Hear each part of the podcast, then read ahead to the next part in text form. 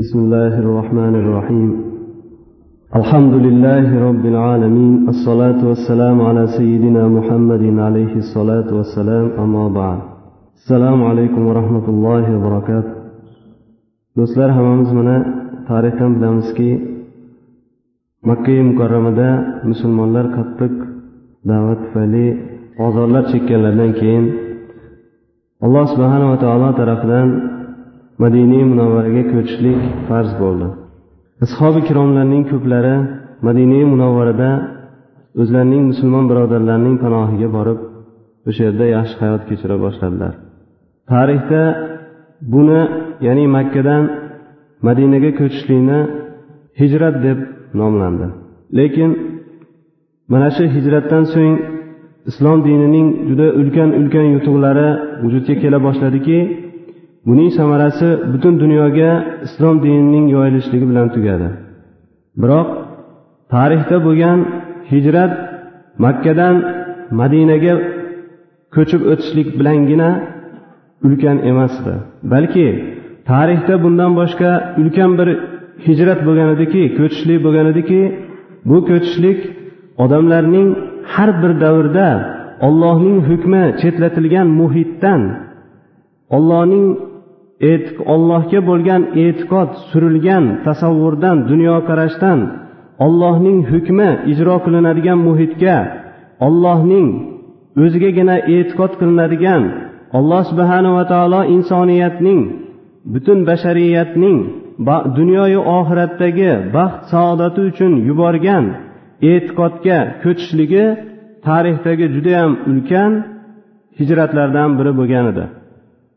Mana rasululloh sollallohu alayhi vasallam nafaqat makkadan madinaga ko'chib kelgan balki e'tiqod nuqtai nazaridan tasavvur nuqtai nazaridan jaholat tasavvuridan jaholat dunyoqarashidan islom tasavvuriga islom adolatiga ko'chib o'tgan kishilar bilan soni uch ming e, to'rt ming to'rt mingdan to yetti minggado'r taqriban tarixda hisoblanadigan madina munavvarada katta bir islom jamoasini vujudga keltira oldilar. Mana shu yetti ming taqriban olsak yetti mingga yaqin bo'lgan musulmonlarning xatti harakatlari tirishishliklari natijasida yuqorida aytganimizdek butun dunyoga islom dini tarqadi. Ularni ularni dunyoqarashlarini dunyoqarashlarini dunyoga yoyilishligining birdan bir sababi shu ediki ular qur'oni karimda belgilangan va rasululloh sollallohu alayhi vasallamning hayotlarida tadbiq qilingan islom axloqlari bilan xulqlangan edilar. Mana muhammad sollallohu alayhi vasallamning o'zlari ham deb hadis muboraklarida xabar beradilarki men butun dunyoda bor bo'lgan go'zal xulqlarni mukammallashtirib to'ldirishlik uchun jo'natildim dedilar. Rasululloh sollallohu alayhi vasallamning o'z ummatlariga bergan juda ko'p hadis hadislari qilgan amallari bizga davr ham kitoblar vositasi bilan tarixchilar vositasi bilan yetib keldi. Buni hammamiz juda yaxshi bilamiz. Tarixda biz hozirgi kunimizga qadar yetib kelgan mo'jizalarni qur'on deb aytamiz. To'g'ri qur'on ham islomni insoniyatga olib kelgan mo'jizalardan biri. Lekin bunday mo'jizalardan biri juda ulkani hatto rasululloh sollallohu alayhi vasallam tarbiyalab qo'ygan musulmon jamoa ichida sodir bo'ldiki bu jamoa ollohning panohiga ketgandan so'ng so'ng tarix davomida juda katta katta ulkan jamoalar vujudga kelishligiga qaramasdan bunday mo'jizalar sodir bo'lmadi. Bu mo'jiza shunday mo'jiza ediki rasululloh sollallohu alayhi vasallamning bergan ta'limlarini ollohni bergan buyruqlarini butun dunyoga yoyishlik uchun musulmonlar dunyoning turli taraflariga qarab yura boshladilar. Da'vatni tarqatishlik uchun. Shu tarqatayotgan mahallarida ular o'zlarining tasavvurlariga dunyoqarashlariga yot bo'lgan axloqlariga yot bo'lgan fikrlariga yot bo'lgan xilma xil dunyoqarashlar bilan uchrashardilar. Xilma xil o'zlarining urflariga zid bo'lgan urflar bilan odatlar bilan uchrashardilar. Lekin ular mana shunday jaholatning dengiziga sho'ng'igan bo'lishliklariga qaramasdan jaholat ichiga sho'ng'isalarda lekin o'zlarining fikrlari dunyoqarashlari odatlari urflarini shu jaholatni ichiga tashlamasdan butunlay sog' olib chiqishardi balki shu jaholatga o'zlarining fikrlari odatlari urflarini tushuntirishlikka singdirishlikka harakat qilishardi. Mana bu tarixda bo'lgan musulmonlarning tarafidan yaratilingan olloh bergan bir ulkan mo'jiza edi. Bu mo'jizalarni hozirgi davrdagi ko'plab dinga g'araz bilan qarayotgan kishilar tushunmasalarda ba'zi bir musulmonlar ham musulmonlar ham tushunmasalarda lekin o'sha davrdagi islom diniga qarshi turgan xalqlarning aksariyatlari tushunib qolishar va islom dini uchun musulmonlar uchun o'z mamlakatlarining eshiklarini lang ochib qo'yardilar mana rasululloh sollallohu alayhi vasallamning tarbiyalab qo'ygan jamoalari eshiklari ixtiyoriy ravishda ochilib qo'yilgan mamlakatlar ichiga kirib borganlarida o'sha xalq o'sha mamlakatda yashayotgan xalqlar boshqa urushlarni ko'p ko'rganligi va bu urushlarda xususan ayollar zaifalar va go'daklar ko'p aziyat chekkanliklarini bilganliklari uchun o'sha davlatlar ichida o'sha xalqlar ichida yashayotgan ayollar o'zlarini tomlarini tepasiga chiqarib chiroyli ustuvoshlarda o'ziga xorlikni ixtiyor etmasligini izhor qilib ko'rinib turardilar. Lekin sahobai kiromlar bularning bunday holatlarga ahamiyat berishmas balki ularning og'izlaridan allohu akbar degan so'z yangrab chiqardida dushmanlarning turgan joylarini larzaga keltirardi. Rasululloh sollallohu alayhi vasallam tarbiyalarini avvalo har bir shaxs o'zlarining qalbidan boshlashligiga buyurgan edilar. Mana bu narsa rasululloh sollallohu alayhi vasallamning o'z hayotiy tajribalarida hayotlarida shunday namoyon bo'lardiki buni juda ko'p sahobiy ikromlar hadis shariflarda keyinroq aytib o'tganlar. Rasululloh sollallohu alayhi vasallam avvalo juda halim bo'lishliklariga qaramasdan hech qachon og'izlaridan yomon so'kinish singari gaplar chiqmagan edi alloh uni saqlasin mana hatto o'zlarining xizmatkorlariga ham rasul alayhissalotu vassalom juda yaxshi muomalada bo'lishardi anas roziyallohu anhudan rivoyat qilinadi qola خدمت النبي صلى الله عليه وسلم عشر سنين والله ما قال لي أف قط ولا قال لشيء لما, قبيل لما فعلت كذا وهل فعلت كذا Men rasululloh sollallohu alayhi vasallamga o'n yil xizmat qildim dedilar. Rasulullohni oldida xizmat vazifalarini bajarib turdim. Lekin rasulullohning hech qachon menga qilgan ishim evaziga uf degan so'zlarni eshitmadim. Hatto meni qilib qo'ygan ishimga hech narsa demasdilar.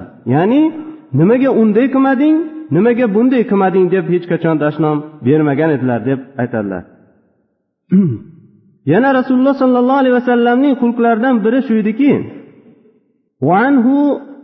إن كانت الأمة لتأخذ بيد رسول الله صلى الله عليه وسلم فتنطلق به حيث شاءت وكان إذا استقبله الرجل فسافحه لا ينزع يده من يده حتى يكون الرجل رجل ينزع يده ولا يعرف وجه يصرف وجهه عن وجهه حتى يكون الرجل هو الذي يصرفه ولم يرى ولم يرى مقدم ركبتيه بين يدي جليس له يعني أنه ينخفض ينخفض مع جلسائه فلا يتكبر yana anas roziyallohu taolo anhu aytyaptilarki agar bir kichkina qizaloq rasululloh sollallohu alayhi vasallamning qo'lidan ushlab ketsa yetalagan tarafiga qarab rasululloh sollallohu alayhi vasallam haligini o'ynatishlik uchun ovutishlik uchun birga ketaverardilar agar biror kishi rasululloh sollallohu alayhi vasallamning istiqboliga kelib uchrashib qoladigan bo'lsa rasululloh unga qo'l berib so'rashardilar.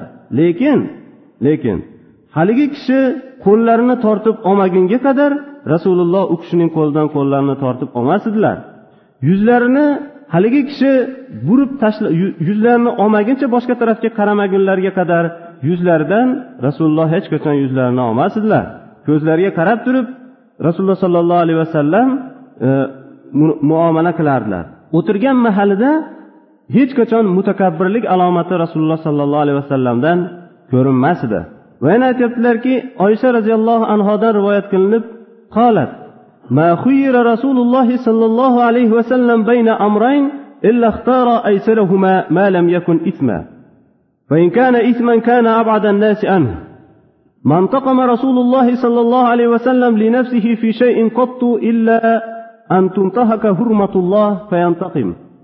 وما ضرب رسول الله صلى الله عليه وسلم شيئا قط بيده ولا امرأة ولا امرأة ولا خادما إلا أن يجاهد في سبيل الله تعالى.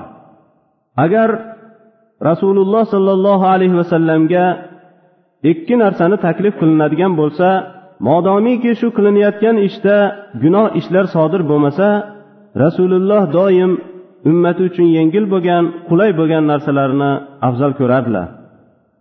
Agar rasulullohga taklif qilinayotgan ish gunoh ish bo'lsa rasulullohdan ko'ra bu ishdan uzoqroq bo'lgan kishi topilmas edi. Rasululloh hech qachon o'zlarini shaxsiy manfaatlari uchun qasos olmaganlar. Faqat ollohning harom qilib qo'ygan narsalari harom halol qilinsa halol qilib qo'ygan narsalari harom qilib qo'yiladigan bo'lsa halollari harom haromlari halol qilinadigan bo'lsagina rasululloh sollallohu alayhi vasallam o'ch olardilar rasululloh o'z qo'llari bilan hech kimni o'ldirmagan na ayolni na xizmatchini o'ldirmagan. Faqatgina olloh yo'lidagi jihodda ollohni haq da'vatini qabul qilishlik uchun ba'zi ba'zi bir kishilar shay tursayu lekin boshqa ba'zi bir kishilar shu odamga da'vat yetib borishligi ro'parasida moddiy kuch qudrat bilan to'siq bo'lsalar o'sha moddiy kuch qudratni ishlatayotgan kishilar kim bo'lishidan qat'iy nazar? Ho ayoldir ho xizmatkordir ho go'dak boladir uni rasululloh sollallohu alayhi vasallam urardilar. O'ldirardilar. Mana rasululloh sollallohu alayhi vasallamni ba'zi bir axloqlari to'g'risida gapirdik. Alloh subhanava taolo hammamizni shu axloqlar bilan ziynatlashlikka nasib etsin سبحان ربك رب العزة عما يصفون وسلام على المرسلين والحمد لله رب العالمين. اللهم أعز الإسلام والمسلمين. اللهم طهر قلوبنا ووحد صفوفنا ولم شملنا. اللهم محول الأحوال حول أحوالنا إلى أحسن الحال. اللهم زدنا العلم مع العمل والإخلاص. اللهم ارزقنا الشهادة في سبيلك. xudoyo imom xatibimiz abduvali qorakani umrlarini uzoq qilgin. Tezroq eslom omasherga qaytib kelishlikni o'zing muyassar qilgin assalomu alaykum va rahmatulloh.